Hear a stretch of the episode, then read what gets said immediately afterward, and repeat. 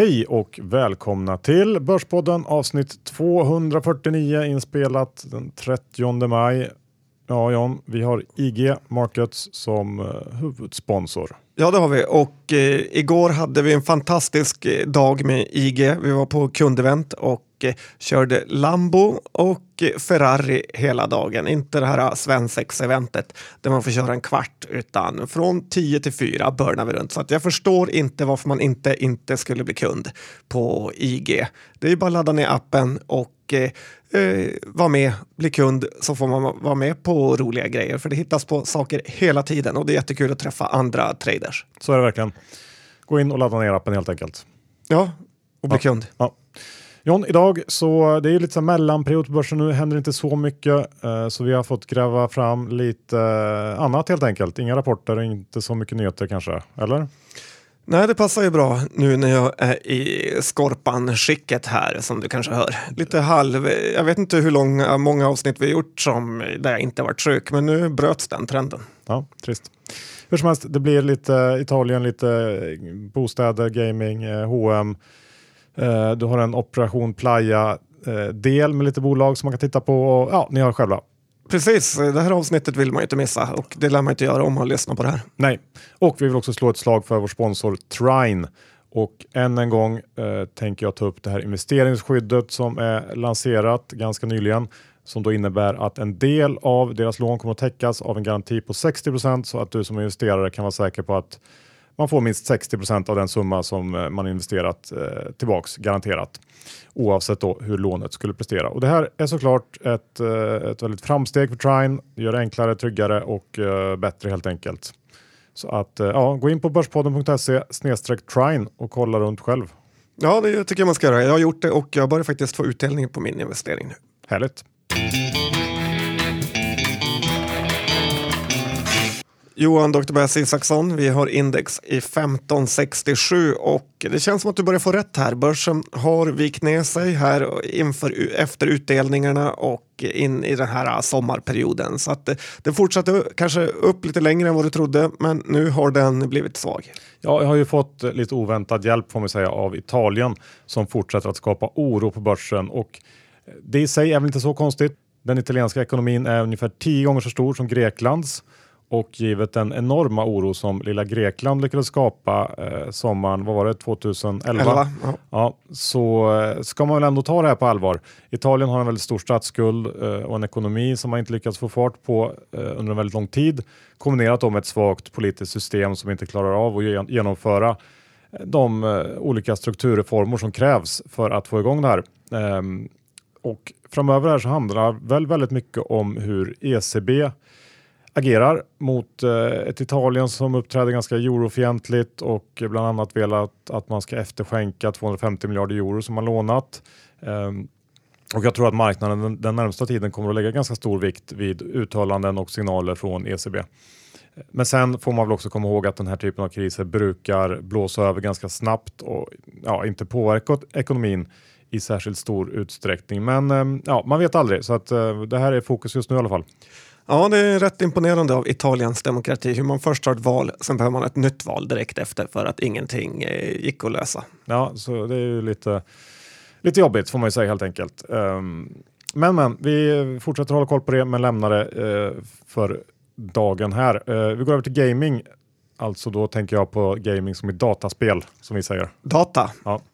Eh, den sektorn har ju gått urstarkt på börsen på slutet. I mm, princip alla noterade gamingbolag har väl noterat nya all time highs på slutet och det beror ju såklart eh, i alla fall delvis på en väldigt stark underliggande utveckling hos bolagen. Men eh, jag tror också att gaming ETF har ett finger med i spelet här. För jag såg att Holdings idag tweetade om att eh, ETF MG Video Game Tech ETF är nu åttonde största ägare i Starbreeze, elfte största i G5 och så har man även innehav i, i Rovio, THQ, Paradox. Um, och eh, givet att det ändå är relativt små bolag eh, med ganska dålig likviditet som vi pratar om här så blir effekten av den här typen av flöden eh, ganska stor, speciellt när det blir en sån här hås som jag ändå tycker att det känns som det är även globalt sett, inte bara i Sverige, kring spelbolag. Ehm, och Ehm, det här gäller ju då såklart även åt andra hållet, eh, vilket kan vara värt att ha i bakhuvudet. Men eh, ja, en sektor som har trotsat eh, eh, det lite mer negativa generella sentimentet på börsen är ju då gaming. Ja, och det är lite intressant att vi svenskar inte ens kan få handla ETFer. Tack EU för det och även tack för den nya inloggningen som är fruktansvärt irriterande. Eh, sen kanske man ska skicka tips till Per H att använda det här upptrycket i eh, Paradox och sälja ut lite av sitt innehav. Vad vet jag, han har gjort rätt som hållit hittills. Ja, precis. Vi går över till något annat. Fingerprint hade stämma här i veckan. Ja, igår faktiskt. Och eh, det var ju lite av en eh, liksom, medial höjdpunkt. Eh, jag tyckte Karlström gjorde några legendariska citat. Eh, typ “Jag har alltid haft rent mjöl i påsen” och det kan jag väl tycka är lite överdriva det hela. Eh, när det ändå är hyfsat svårt att få sju stycken insider och tal eh, mot sig. Och, eh, för det här är ju inte liksom en Ola Rolén-grej där det är en bedömningsfråga om han är insider på sig själv eller inte. Utan här snackar vi ändå någon som har kört turbovaranter i sitt egna bolag. Så att det är lite av en Trump-aura som Karlström har lyckats skapa kring sig själv här. Och eh, jag kan tänka mig också att en anledning till att han ändå lyckas med det här är ju att eh, EBM har ju devalverat sig själva så mycket att genom att de har satsat så mycket på enpetare och småsparare så att när, det, när de väl har något så större case så blandas det ihop med den övriga bunten. Och eh, dessutom efter att ha sett det här Operation Playa undrar man ju också vad det är för människor som jobbar som åklagare. Sommaren då, eh, ska vi gå tillbaka sen. Sommaren det är en svag period på börsen John. Eh, vad ska man undvika generellt tycker du? Ja, men det är ju ett, väldigt många härver genom sin tradingkarriär har ju kommit till under sommaren. Och eh, som många av de här proffsen säger, så att för att bli riktigt framgångsrik så är det ju ofta de stora förluster som man ska undvika. Och eh, då tycker jag ju att man ska hålla sig borta från banker. Eh, direkt det är lite oro så kraschar de. Deutsche Bank, Ing, eh, den här holländska banken, Banco Santander, eh, BBVA som är en stor eh, spansk argentinsk bank. Eh, alla var ner närmare 10 procent igår. Och eh, grejen med banker är ju att uppsidan är ändå relativt liten men risken är stor. Eh, du kommer ju aldrig få någon premievärdering på banker för att eh, vart var tionde år så liksom kommer det enorma krascher eller eh, i alla fall väldigt stora oro. Oro kommer ju ofta och där åker de ju på. Jag tycker man ska tänka samma sak med nischbanker, typ Resurs, då de är kopplade till bostadsmarknaden och då tänker jag inte att folk slutar betala utan mer på att deras tillväxt kan bli liksom inverterad när folk slutar använda de här bolagen för att komma undan undan de här amorteringskraven och bankreglerna. Så att, eh, ja, det är sommarens varning Johan. Ja, men det, det, kan jag nog skriva under på. Och då passar det kanske bra att eh, prata lite bostadsmarknad också, eh, som börjar bli ett stående segment i Börspodden. Men jag hör liksom diverse stories från utvecklarsidan att det är riktigt, riktigt brunt eh, ute på marknaden och att det i princip är omöjligt att sälja nyproducerade lägenheter just nu. Eh, och jag eh, tror att det kommer komma en våg till av nedgångar här på, på bostadsmarknaden. Jag tänker framförallt då kanske på Stockholmsregionen men är säkert även i andra, andra regioner eh, efter den relativt lugna period vi ändå haft eh, de senaste månaderna. Eh, så att jag tror att, eh, att det inte är omöjligt att vi efter sommaren när de som inte har fått sålt eller velat sälja under våren verkligen måste sälja, att då kan det nog komma ett steg ner till eh, prismässigt, tror jag. Ja, absolut. Det finns ju inget som tyder på någon uppgång. Och sen får man ju komma ihåg att det finns ju massor med bostadsutvecklare som inte är börsnoterade. Vi pratar ju mest om börsnoterade, men du har ju ett helt gäng bakom dem som förmodligen är mycket mer instabila vad gäller ekonomi. Absolut. Och det för oss till dina tre toppsignaler just nu. Ja, faktiskt. Och eh, till och med jag börjar känna lite topptecken här och jag tänkte att du ska få ranka dem till 1 till 5. 5 är högsta vad som är topptecken. Och eh, är du med på det? Absolut. Eh, idag har jag mejlat både Avanza och Nordnet och gnällt på deras eh, belåningsvärden, att de måste öka det i vissa bolag. Ja, det är topptecken. Jag sätter 3,5. Okej, okay, skönt. Igår körde jag Lamborghini på det här IG-eventet och på kvällen så gick jag in på Blocket och tittade vad en eh, sån kostade. Eh, jag kan ju lägga till att eh, sist jag hade storhetsvansinne var 2007 då jag kollade på lägenheter i Åre för att sen några månader senare knappt ha råd att bo kvar. Ja, det är eh, 4,6. Uff, högt. Jag, jag kände redan när jag loggade in på Blocket att det var högt. Och eh, sen nummer tre. Jag hade, det var en kille som frågade mig om lite makro och eh, angående Italien och sånt. Och då sa jag den här klassikern. På börsen handlar man inte länder utan bolag. Det vill säga jag är helt tillsammans med typ alla andra börjat ignorera negativa saker. Ja, jag har ju för sig varit rätt väldigt länge, men kanske är det då just nu man ska eh, bry sig om det. Så vi säger fyra på den. Okej, okay, ja men Lambon var högst. Det var ju inte mer än rätt. Vi är också sponsrade av Tessin och har denna vecka träffat Jonas för att få höra hur man ska se på sin Tessin-investering som en del i en större portfölj. Lyssna här. Man pratar ju ofta om att man bör ha fastighetsexponering och det kan man göra på olika sätt. Eh, men som vi ser det så, så vill vi vara ett verktyg för att kunna bygga upp eh, Eh, fastighetsportföljen via oss. Och där kan man kombinera kortare löptider, längre löptider, eh, hyreskåkar, eh, leklandsprojekt eh, eller bostadsprojekt. Så att du, du ska kunna bygga din egen mix inom fastighetsexponeringen. Och det är vårt mål. Ja, gå in på tessin.se och se om ni hittar något kul objekt som passar din eh, portfölj.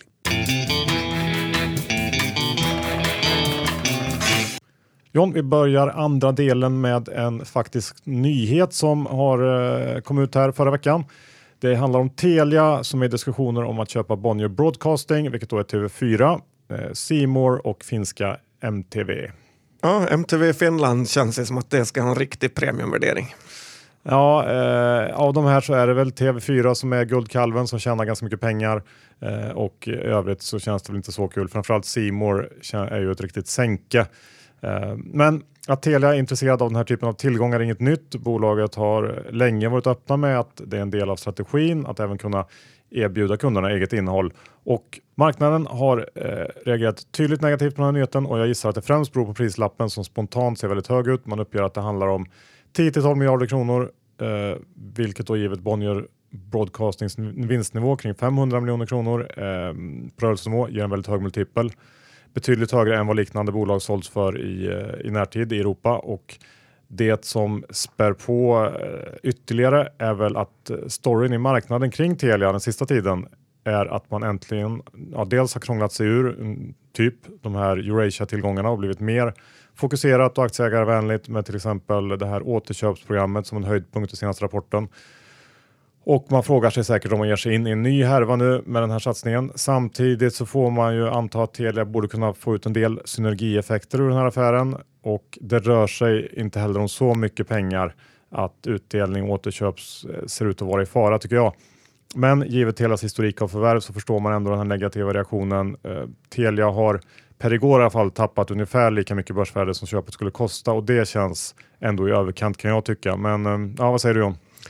Eh, det har många synpunkter på det här. Det ena är ju att liksom staten är största ägare i Telia och nu ska de även som då ta över TV4, vilket känns lite skräck. Eh, jag är rädd för. Sen är det ju också så att eh, jag tror att eh, Simor är en så fruktansvärt dålig investering så att jag, jag eh, blir mörkrädd. Eh, Simon Blecker sa ju det, precis som du sa, att Telia var ju, att de inte köpte TDC var ju liksom det bästa som kunde hända Telia och det kändes som att de höll på att bli ett bra bolag nu. Och eh, tycker också att Tele2s köp av Comhem känns ju tio gånger bättre än det här. Ja, eh, lite delade känslor helt enkelt. Men, ehm... men det brukar alltid vara något smart. När börsvärdet har gått ner lika mycket som köpet är, då har man ändå, kommer man ju in billigare. Så att eh, börsen är ju bra på så sätt. Ja, du nämnde Operation Playa tidigare. Eh, lite spännande dokumentärserie på, på SVT. Eh, men eh, det var inte det du tänkte prata om? Nej, men jag gillar ändå namnet Operation Playa. Det får ju en haja till. Men idag kom ju UTG, Unlimited Travel Group, eh, med sin rapport och den var ju fin. Eh, de har ju en sån här affärsidé som Buffett eh, med flera skulle gilla. Då kunderna bokar och betalar in sin resa eh, till, till då UTG medan själva bolaget i sin tur betalar sina leverantörer efter resan är gjord. Eh, och det gör ju att de här alltid har extremt mycket pengar i kassan. Eh, och eh, vissa gör ju då felet att de försöker värdera UTG genom att man drar bort kassan och säger att det är extremt lågt ev-ebit. Men då gör man ju bort sig lite. Men ändå en bra affärsmodell. Eh, det här är ett bolag som de senaste åren, kanske i takt med högkonjunkturen, verkligen eh, blommat ut. Q är ju Q1 är ett litet kvartal för UTG, men eh, de visar ju på orderingången att de växer bra och har verkar ha liksom etablerat sig stort som en reseaktör. Eh, en privat lynchning jag gjort är ju att det faktiskt är ganska bra att boka med resebyråer nu för tiden. Eh, de kan se ihop bra paket och rätt bra prismässigt för att de gör sina stora inköp av både flygresor, hotell, eh, så att det blir inte mycket dyrare. Så att UTG är ett intressant bolag, litet, illikvitt och ja, men det kommer ju, det är som det är.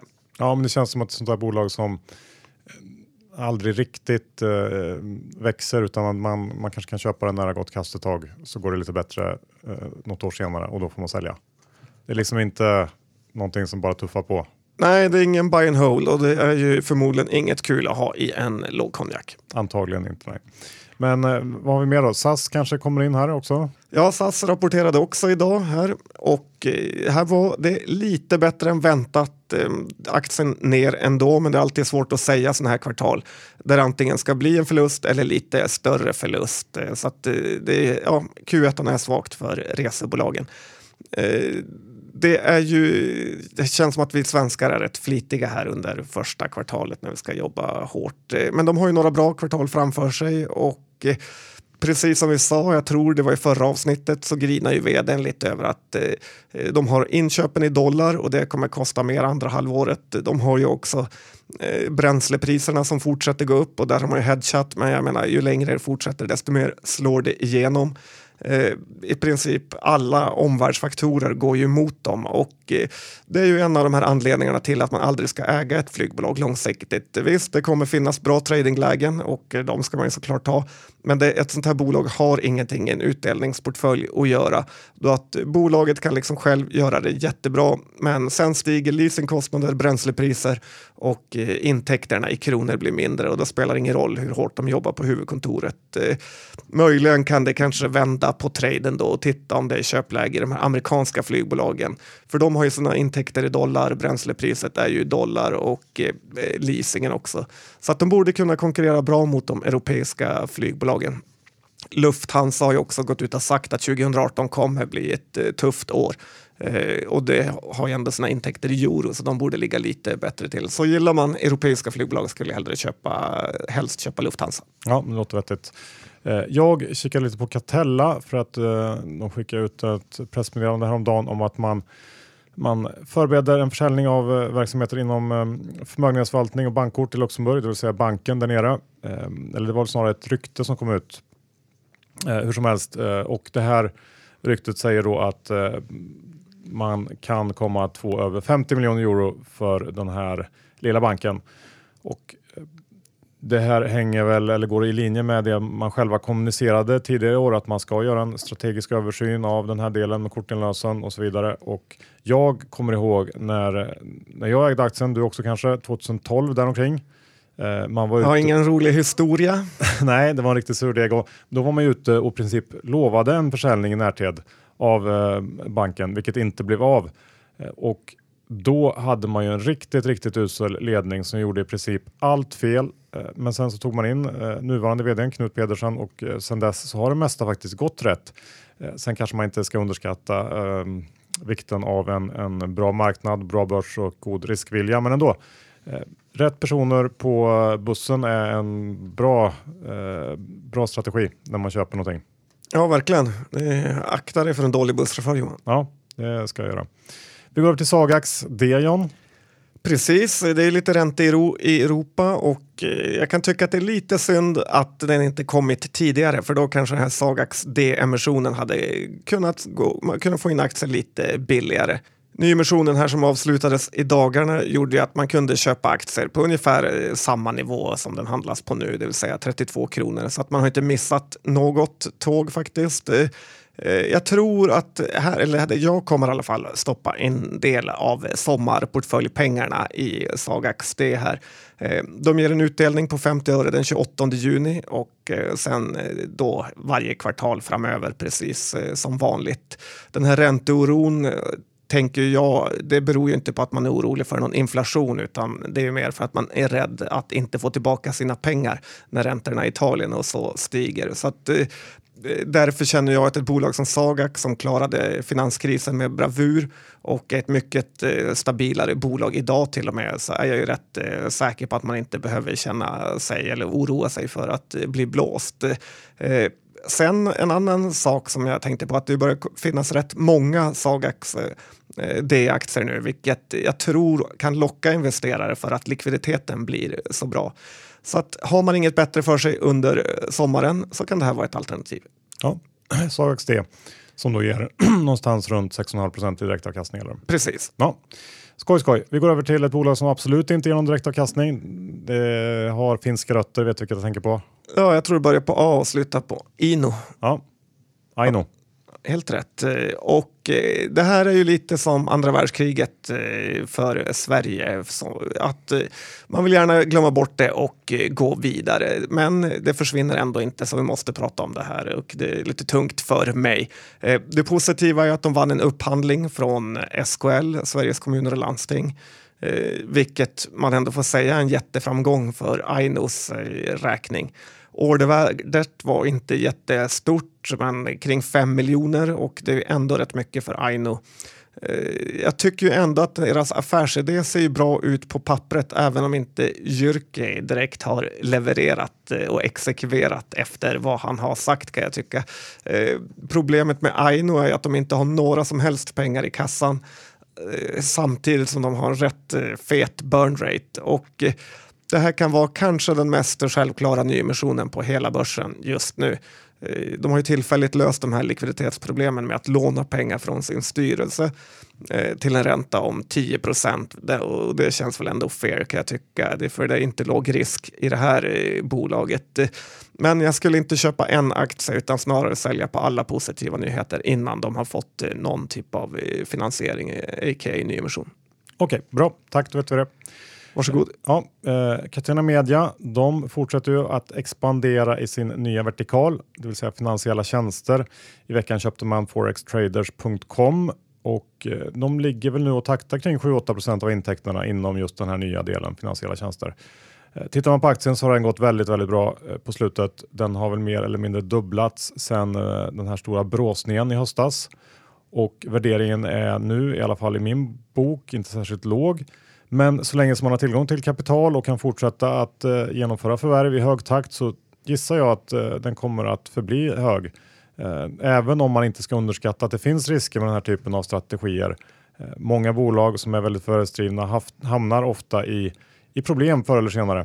Men ehm, det ser ut att tuffa på bra för Catena och gillar man sektorn så går det också att titta på Netgaming som handlas till betydligt lägre multiplar. Rätt eller fel vet inte jag, men ehm, man kan kika på det i alla fall. Ja, det ska bli lite kul när det kommer den här uppföljningen. Så gick det som det kör när eh, börsen ner 2% och eh, akt, säljråd aktien upp 100% Den är lite svettig att skriva. Skulle jag ta ledigt den veckan. Ja, men ja, alla har ju fel någon gång, ska man inte glömma bort. John. Känns som han oftast har fel. Ja, precis. Um, Nilongruppen, vad har du att säga om dem John? Ja, mycket som vanligt och eh, det här är ett bolag vi kanske har varit för negga till. Eh, vi gillade ju aktien när den var på 35 kronors nivån men över 40 så blev vi ju direkt lite försiktiga och eh, ja, missade väl lite av den här potentialen eller det mesta av potentialen den hade. Eh, det här har ju blivit en småspararfavorit för att eh, de tidigare år har det varit ett av de här bolagen som kunnat dela ut allra mest. Eh, nu när Q1 kom så kändes väl ändå bolaget hyfsat fullvärderat och aktien gick eh, ner en bit på det. Eh, det här är inte jättedyrt och de skriver att de hade lite otur eller de med påsken och det kinesiska nyåret och även med valutorna. Så att tittar man lite grovt så är det väl P1314 och Eh, det låter ju ändå som sagt att bolaget ska kunna överraska positivt i Q2. Eh, jag känner väl ändå eh, att sälja etiketter till klädbranschen är lite för tufft att liksom kämpa i för att jag ska gilla det. De som gillar aktien säger att etiketter och dylikt är ju ännu viktigare nu när man ska sticka ut och så vidare. Men det är ändå något som är jobbigt med att sälja till branscher i motvind. De ska också bli bättre på det här med förpackningar. Men jag tycker ändå att det börjar bli ganska fullt inom det här förpackningsområdet då vi bara på Stockholmsbörsen har till exempel Elanders och Bong som eh, försöker vara där. Men Nilörn-gruppen är skuldfritt och ett så kallat fint bolag Johan. Ja, varken mer eller mindre helt enkelt. Ja, men lite så. Nej, men när vi ändå är inne lite grann på retail så tänkte jag att vi kan snacka lite H&M också. Uh, vi närmar oss 15 juni vilket är datumet då H&M presenterar sina försäljningssiffror för Q2 och vad jag har läst mig till så väntar sig analytiker ytterligare ett tufft kvartal. Fortsatt sjunkande like for like försäljning och en vinst som ska minska rejält jämfört med eh, motsvarande kvartal föregående år och därmed också fortsatt höga lagernivåer. Men det här har ju inte stoppat pappa Persson som köpt enorma mängder aktier den senaste tiden och det börjar eh, faktiskt spekuleras lite lätt om bud. Eh, om, om inte så kan vi börja nu. Ja, men det behövs i och för sig inte mycket för att börsen ska börja spekulera om bud. Nej, men vi, vi har ju varit inne och pratat om det här tidigare ett tag sedan och eh, nu läste jag en kommentar från Nordea där man funderat lite kring det här. Eh, bara sedan den senaste rapporten så har då Persson köpt aktier för ungefär 7,5 miljard, eh, vilket är lite mer än de 7 miljarder han får i utdelning från sina hm aktier i år. Och summerar man de utdelningar han har fått eh, från H&M sedan 2007 så uppgår det till ungefär 70 miljarder kronor av vilka han har återinvesterat eh, 26-27 miljarder i H&M-aktier och merparten av resterande del av utdelningarna antas ha eh, framförallt gått till fastighetsinvesteringar. Men om man tänker sig att det kommer ett bud med en 30 i premie så krävs det i runda slängar 150 miljarder kronor, vilket då eh, innebär att familjen behöver någon som vill vara med på den här resan. Eh, ja, hur sannolikt det här är är såklart omöjligt att säga, men jag tycker ändå att eh, det är inte helt, eh, helt otänkbart. Och, ehm, har du någon spontan kandidat som skulle kunna tänka sig att teama upp med Persson? Nej Johan, det är det minsta jag har. Kanske, de har ju fått över vdn från Odd Molly så hon kan säkert eh, hjälpa till. Ja, då behövs det några fler tror jag. Eh, nej, men jag tänker att det att, eh, skulle kunna vara någon annan rik entreprenörsfamilj med stor, riktigt stor förmögenhet och såklart kanske familjen Kamprad. Eh, andra alternativet är ju eh, någon eller några riskkapitalbolag. Även om det känns lite mindre eh, sannolikt på något sätt. Eh, det krävs väl i så fall en tydlig exitmöjlighet och då kanske de måste in på börsen igen och det är väl tveksamt om de vill om man ändå tar steget och köper ut det här. Eh, sen så kanske man kan slänga in, jag ska slänga in en joker, ska se vad du tror om det. Eh, vad tror du om Berkshire Hathaway? Evig ägarhorisont och en business som man förstår tickar alla boxar. Ja, jag kom på en annan faktiskt eh, och det var Schörling-gruppen och Ola Rolén tar över som vd och styr upp hela skiten. Det vore något. Också bra. Nu har vi några bra alternativ. Ja, ut och agera nu bankers. Ja. Ska vi avsluta med någonting aktuellt? Det har eh, varit 30 grader varmt hela maj och det har inte regnat någonting. Eh, är det vattenbrist då? Ja, det är såklart det är vattenbrist i Sverige. Det pratas ju om det här i Stockholm och eh, man ska hålla igen med vattnet. Jag har ju sagt det förut och jag säger det igen. Man kan inte sälja en kubik eh, vatten för 20 kronor och sen tro att folk eh, ska snåla. Det är bara att höja priset 50 gånger så är den här vattenbristen löst. Eh, men det som är kul med vatten är ju att det är en extremt eh, stabil investering och eh, tittar man på de amerikanska bolagen så finns det en hel del vattenbolag där. Jag tänkte ta upp några här för att det är ju ändå roligt att ha i sin jättelångsiktiga portfölj om man är lagd åt det hållet. California Water Service CWT i ticken delar ut 1,8 procent P kring 30. Låter attraktivt. Ja, eh, inte jätte, men det är ju fruktansvärt stabila eh, verksamheter där. Och sen finns det Aqua America, de har P25, utdelning 2,4 procent. Kan det vara något Johan? Um, ja, jag ser att du är lockad. Ja. Du kan ju låtsas om det som i alla fall. och sen kanske det mest kända av alla bolag som ofta dyker upp och det är ju American Waterworks. De har ju också P30, en utdelning på just över 2% så att de är ju riktigt, riktigt dyra. Eh, men eh, folk letar ju sig till de här bolagen för man vill ha eh, stabilitet och då har man verkligen kommit rätt. Tillväxten är ju låg för att det, det, är ju inte direkt så att det ökar någon efterfrågan på vatten utan det är ju kanske prishöjningar i takt med inflationen man får hoppas på. Och eh, ja, som med allt, vill man köpa något så finns det på den amerikanska börsen. Slut på avsnitt 249. Vi tackar IG Markets som är och förblir vår huvudsponsor. Ja, skaffa den här appen nu. Jag vet att många av er redan har gjort det, men den är ju fantastiskt bra och de är mer än en mäklare. Många roliga event. Ja, och Trine. Vi gillar dem. Investera i elenergi i Afrika. Nu ännu bättre med det här investeringsskyddet som då eh, ger en garanti på 60% av lånet eh, i vissa fall. Gå in på börspodden.se trine. Hängslen och livrem. Yes sir. Och sist men inte minst tessin.se. Gå in, kolla runt och se om ni hittar något projekt som passar just er. Om ni vill bygga upp en eh, liten fastighetsportfölj vid sidan om börsportföljen för att få ja, en till ström av kassaflöde. Mm, helt rätt gjort. John, när det gäller innehav, har du något av de bolagen vi pratat om i dagens avsnitt? Ja, jag har ju en massa Sagax D. är faktiskt en av min, mitt, mitt sommarcase. Härligt. Jag har ingenting. Då får vi tacka för oss och eh, önska er en fortsatt trevlig vecka. Hej då! Hej då!